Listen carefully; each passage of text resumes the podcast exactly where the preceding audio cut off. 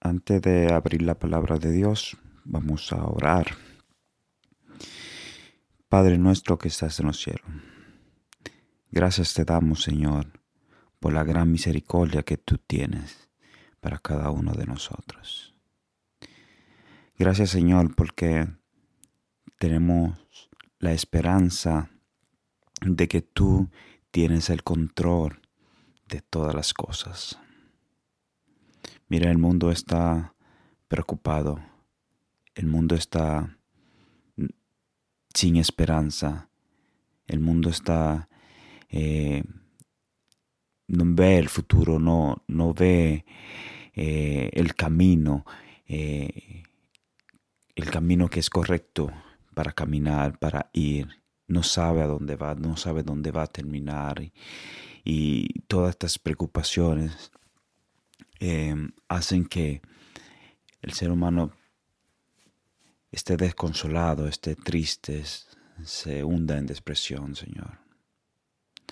Por eso te ruego en el día de hoy que tú, Señor, a través de tu palabra, puedas dar esperanza a aquellos que están sin esperanza y que tú puedas iluminarles, Señor, a través de tu espíritu, que puedan ver lo que tú ofreces y la confianza que eh, podemos tener en ti. Bendice, Señor, a cada uno lo que van a escuchar. Eh, la palabra, esta palabra de vida, esta palabra que tú ofreces para aquellos que están sin esperanza. Gracias, Señor, en el nombre de Jesús. Amén. Amén. En el día de hoy vamos a seguir con la, serie de estudios que hemos tenido durante algunos sábados. Y vamos a leer eh, en San Juan capítulo 14, en el verso 6. Dice Jesús, yo soy el camino, la verdad y la vida. Nadie viene al Padre si no es por mí. Muy bien, y ahora ¿Qué es la vida? Jesús dice allí que Él es la vida. Ahora, la vida en el punto de vista de muchos es simplemente o se reduce simplemente a la existencia, que es tal vez la misma existencia que tienen los animales. Ejemplo, nace, crece, te reproduce y muere. Y ese es para muchos, para muchos seres humanos, esa es la vida. Eh, después de la vida, pues no hay nada. Tú, después que moriste, eh, pues después que viviste esta vida, dependiendo de cómo la viviste, eh, pues, pues no existe nada. Y como los animales, nace, crece, te reproduce y muere. Pero ¿Cómo es que Dios, Jesús, dice aquí que Él es la vida? Y es eso lo que vamos a analizar en el día de hoy. Ahora, ¿por qué Jesús dice que Él es la vida? Y porque tú no conoces o reconoces que Él es la vida. Y es por la simple razón de que si no andamos en su camino, nunca vamos a conocer la verdad. Y si no conocemos la verdad, nunca vamos a reconocer que la vida viene de Dios y que nuestra existencia, nuestra existencia, nuestra existencia en Dios está llena de vida y vida en abundancia. Ahora, ¿cómo podemos ver esto? Bueno, en el punto de vista de Jesús, cuando un ejemplo eh, él estaba con sus discípulos, él le estaba enseñando a tener confianza en Dios. Y si leemos en el libro de Mateo, en el capítulo 6, vamos a leer todo, porque yo creo que es importante que tal vez muchos eh, no, no, reconocen esta cita. Y bueno, es importante que puedan entender bien. Dice allí en el verso 25, perdón que estoy un poco agripado. Dice allí, por tanto os digo, Mateo capítulo 6, verso 25, dice, por tanto os digo, no os angustiéis por, vuestras vida, por vuestra vida, que habéis de comer o que habéis de beber, ni por vuestro cuerpo, que habéis de vestir. ¿No es la vida más que el alimento y el cuerpo más que el vestido? Y continúa diciendo así en el verso 26, dice, mira las aves del cielo que no siembran ni ciegan ni, ni recogen en granero, sin embargo vuestro Padre Celestial las alimenta. ¿No valéis vosotros mucho más que ella? ¿Y quién de vosotros, por mucho que se angustie, añadir a su estatura un codo? Y el vestido, ¿por qué os angustiáis? Considerad los lirios del campo, cómo crecen, no trabajan ni hilan. Pero os digo que ni aun Salomón, con toda su gloria, se vistió como uno de ellos. Y si a la hierba del campo que hoy es y mañana se quema en el horno, Dios la viste así, no habrá mucho más, no hará mucho más por vosotros, hombre poca fe. No os, con, angustiéis, pues diciendo, ¿qué comeremos o qué beberemos o qué vestiremos? Porque los gentiles se angustian por todas estas cosas, pero vuestros vuestro Padre Celestial sabe que tenéis necesidad de todas ellas. Buscad primeramente el reino de Dios y su justicia, y todas estas cosas os, serán añadidas. Así que no os angustiéis por el día de mañana, porque el día de mañana traerá su propia preocupación. Basta a cada día su propio mal. Ahora, ¿por qué Jesús enseña eh, estas palabras? ¿Por qué le dice esas palabras eh, a, estos discípulos, a esas personas que estaban ahí con él? Y es, la respuesta es que ese es el estilo de vida de todo ser humano. Cree que el sentido de la vida, el sentido de la vida es, bueno, levantarse en la mañana, salir a trabajar, venir a la casa, acostarse, mirar un poco de televisión, estar en el celular, hablar con los con la esposa, con los hijos, volver a dormir, volver a levantarse al otro día. ¿Y por qué? Para conseguir cosas, bueno, para conseguir la comida, para conseguir eh, la ropa, para pagar las deudas, para... Y este es el sentido de, de, del ser humano, pero Dios quiere eh, enseñarnos que ese no es ese, sentido. O sea, la vida del ser humano es aparentemente, si es así, es una vida sin sentido. Y de verdad es sin sentido.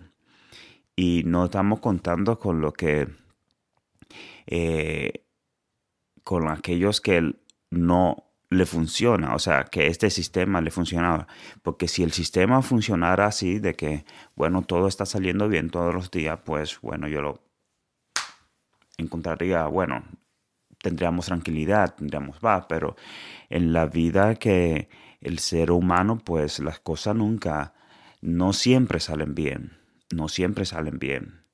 Cuenta con las preocupaciones que existen en, el día a día, cuando tal vez te quedaste sin trabajo, cuando, cuando tal vez eh, tienes demasiada deuda, cuando tienes demasiados problemas, cuando se escuchan las cosas que están escuchando ahora sobre las guerras, sobre las enfermedades, sobre la muerte. ¿Qué pasa con el ser humano cuando todas estas series de problemas llegan a su vida? No se podrá levantarse en la mañana feliz y alegre y estar contento eh, y, ir a vivir la vida, a vivir su existencia. Realmente no. Porque una eh, vida separada de Jesucristo es no tener vida. No tener vida. Y por eso Jesús habla de estas cosas. Porque el ser humano, el ser humano, cada día vive eh, en sus propios caminos. Lo que hemos enseñado, lo que hemos visto. Como dice eh, lo que hemos estudiado en los temas anteriores, como vamos a buscarlo aquí, Romano, que eh, todos quieren buscar sus propios caminos, todos se desviaron, todos se volvieron inútiles y todos buscan, eh, no quieren reconocer a Dios, no quieren conocer camino de paz. Lamentablemente es así. Y es por eso que Dios eh, llama hoy a cada ser humano para que eh, pueda tener esa tranquilidad y pueda tener esa paz. Porque realmente eso es lo que necesita. Dice, no se por el día a día, por el día de mañana, porque el día de mañana traerá su propia preocupación. Basta a cada día con su propio, eh, propio mal. Ahora, ¿qué, ¿qué es lo que debemos hacer? ¿Qué es lo que debemos hacer para tener esperanza, para caminar ese camino que mientras estamos vivos aquí, es verdad que vamos a estar triste, es verdad que vamos a estar eh, dolido, que vamos a estar preocupado y muchas veces no vamos a eh, querer levantarnos, que no vamos a eh, querer, vamos a querer renunciar a todo, a todo, pero cuando sabemos y recordamos lo que Dios dice, yo soy la verdad, yo soy el camino, yo soy el que te va a ayudar a caminar en este mundo de dolor, en este mundo de destrucción, en este mundo lleno de, eh, de guerra, de enfermedades y de muerte. Yo soy la vida. Ahora, ¿por qué Jesús dice que Él es la vida? y por qué simplemente nosotros eh, no podemos reconocer eso o simplemente por qué no podemos ver eso o cómo es que Él dice que Él es la vida y que somos nosotros entonces somos la muerte. Ok, bueno, eh, hay muchas historias y muchos relatos de, de personas que aparentemente están vivos aparentemente tienen una vida de, fama, tienen una vida, tienen, tienen todo lo que necesitan en, su vida, y, pero se sienten vacíos, no, se sienten vacíos, necesitan algo más. Tienen fama, quieren más fama, ¿por qué? Porque no la fama no puede llenar su corazón. Tienen dinero, pero quieren más dinero. ¿Por qué? Porque el dinero no puede llenar su corazón. Quieren todo y ven, luchan y compran y compran y compran por tener todo, pero ¿qué pasa? Todas esas cosas que compran, todas esas cosas que consiguen para llenar ese vacío, realmente no lo llena. No lo llena porque lo único que le falta al ser humano en el corazón para estar satisfecho, para tener confianza, para poder vivir, para poder estar tranquilo, es a Jesús, porque esa es la vida. Muchas veces hay personas que viven y deciden solamente quitarse la vida ¿Por qué deciden quitarse la vida? Porque están vivos, pero no se sienten vivos. no se sienten vivos, se sienten que ya todo está perdido, que ya todo no, no tiene solución. O sea, todo se le pone gris. Entran en un estado de depresión que los hunde y los hunde y los hunde.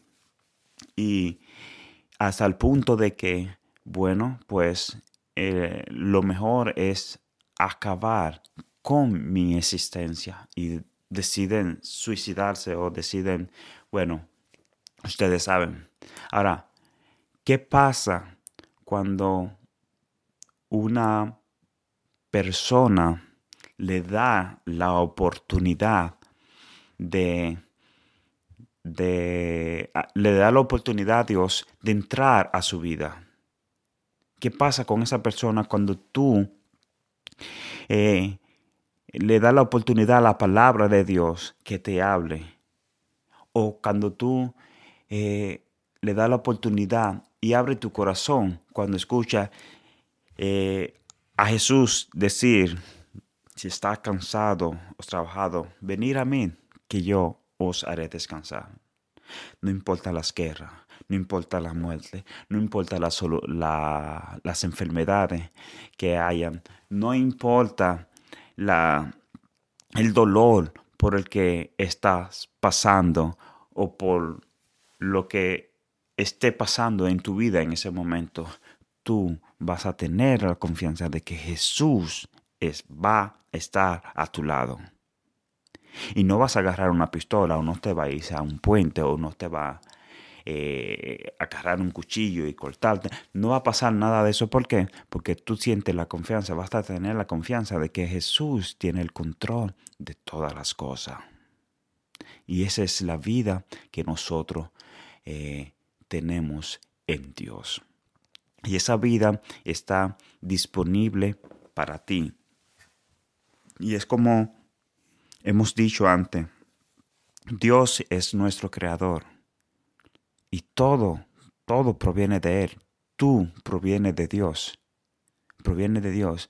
Y Él es la vida, Él es la fuente. Ahora, separado de esa fuente, pues somos, somos algo secos, somos muertos, somos de nada. Vamos a estar desesperado, vamos a estar desconsolado, vamos a estar deprimido, no vamos a ver qué hacer. Ahora, pensamos que eh, el cristiano no tiene problemas. Sí, sí, amigo, vamos a tener problemas, vamos a tener eh, dolor en nuestro corazón porque vivimos en un mundo todavía que eh, donde existen esas cosas. Ahora, estando con Jesús, teniendo a Jesús a tu lado, entonces vamos a tener esa certeza de que el camino, esa prueba que, la, que estamos pasando o ese dolor que estamos pasando ahí, vamos a tener la certeza de que Jesús está a tu lado y de que Él me va a ayudar y de que Él me va a hacer ver eh, eh, cuando todo esté oscuro, cuando todo eh, esté gris, que no, no se pueda ver. Él me va a mostrar el camino cuando tú no puedas encontrarlo, cuando estemos perdidos en este mundo, cuando estemos perdidos en, nuestros problemas y cuando no encontremos una solución, pues la palabra de Dios brillará y te dará y te enseñará ese camino que tú necesitas. Esa es la confianza y esa es la esperanza que nosotros tenemos en Cristo Jesús. Por eso hoy, amigo mío que escucha, eh, Jesús está a la puerta de tu corazón llamándote. Hay mucha inseguridad en este mundo. Hay mucha incerteza en este mundo. Pero Dios te puede mostrar el camino. Dios te puede guiar. Dios te puede enseñar la verdad y sobre todo te puede enseñar a vivir una vida llena de confianza, llena de esperanza y llena de, de su plenitud, porque Dios es la vida. Yo soy el camino, dice Jesús. Yo soy la verdad. Yo soy la vida. Y esa vida está disponible para ti y para cada uno de nosotros. ¿Cuál es el resultado del ser humano sin Dios? o separado de Dios o alejado de Dios, andando en sus caminos, pues vamos a buscar un ejemplo en Salmo, eh, Salmo capítulo 31, en el verso 9, y es David cuando estaba separado de Dios, dice en el verso 9, ten misericordia de mí. Eso es él reconociendo ya que por, eh, reconociendo lo mal que le está sin Dios, dice Jehová, porque estoy en angustia. Se han consumido eh, de tristeza mis ojos, también mi alma y mi cuerpo. Dice en el verso 10, mi vida se va gastando de dolor y mis años de suspirar. Se agotan mis fuerzas a causa de mi maldad y mis huesos se consumen. Ese es el resultado de una vida sin Dios y una vida sin Jesús. Tienes dolor, tienes angustia, estás agotado, no puede, no puede avanzar. Siente que la maldad consume, consume los huesos y esa vida es una vida perdida. Vamos a ver que nos dice también en, en Esclesiastes, en el capítulo 2, verso 17. Vamos a ver si es esto. Capítulo 2, verso 17. 17 dice, y eso trata de Salomón, que también eh, Salomón eh, cuando estaba con Dios, bueno, pues Dios le dio sabiduría, Dios le dio todo y fue uno de los reyes más ricos y más, bueno, querido, pero llegó un momento cuando, bueno, dijo, vamos a caminar separado de Dios y pues andaba separado de Dios. Y en un momento de su vida, él dice así, por tanto aborrecí la vida, pues la obra que se hace debajo del sol me era fastidiosa, por cuanto todo es vanidad y aflicción de espíritu. Y esa es la verdad. Todo es vanidad y aflicción de espíritu. ¿Por qué? Todo es vanidad y aflicción de espíritu. Por lo que Jesús dijo en el principio. El ser humano se preocupa solamente por por el cuerpo o por comer o por trabajar para tener dinero o por tener fama o para tenerlo todo o para eh, vivir una vida sin sentido, solamente tener una existencia en este mundo. Pero todo eso, todo eso solamente es una aflicción de espíritu. Y por eso muchos, por eso muchos entran en depresión, porque no le encuentran sentido a su vida. Por eso muchos no saben qué hacer. Por eso muchos están ahora mismo llorando, porque no tienen consolación, porque están afligidos. Su espíritu está afligido. ¿Entienden? Todo, todo es vanidad. Ahora, cuando buscamos a Dios, en primer lugar que todas las cosas, entonces vamos a poder encontrar sentido a la vida. Vamos a poder levantarnos en la mañana, que aunque hayan problemas, que, que hayan eh, eh, guerra, enfermedades, que aunque estemos pasando por ese dolor, pues vamos a tener esa confianza de que Dios está ahí. Dios está ahí. No deje que tu vida se aflija o que esté lleno de angustia o que pierdas el control a tal punto de que no quieras existir más. No, no deje que pase eso. Por eso hoy te llevo esta palabra. Busca primeramente el reino de Dios y su justicia. Y recuerda que Dios es el camino, la verdad y la vida y Él está aquí para ti. Por tanto, como suelo decir, si hoy escucha la voz de Dios llamando a tu corazón, no lo endurezca. Ábrelo, recíbele y experimenta la vida con Jesús. Padre nuestro que estás en el cielo, gracias te damos porque tu palabra nos brinda esperanza, porque en tu palabra podemos estar confiados. Gracias porque podemos vivir con Jesús, porque podemos tener esa vida que proviene de ti a través de Jesús. Gracias por ese amor que tú nos tienes a nosotros. El mundo está desconsolado, preocupado, Señor.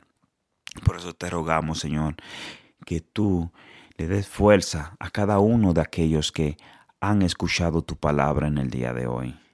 Y que tú, a través de tu espíritu, los ayude a ver ese camino que lleva a senda segura. Ese camino que puede eh, darle vida y puede, Señor, darle sentido a, a su existencia. Gracias, Señor, porque tú eres bueno y porque tú prometes eh, venir un día y restablecer el mundo en que vivimos. Gracias, Señor, por la esperanza que tenemos en ti. En el nombre de Jesús. Amén.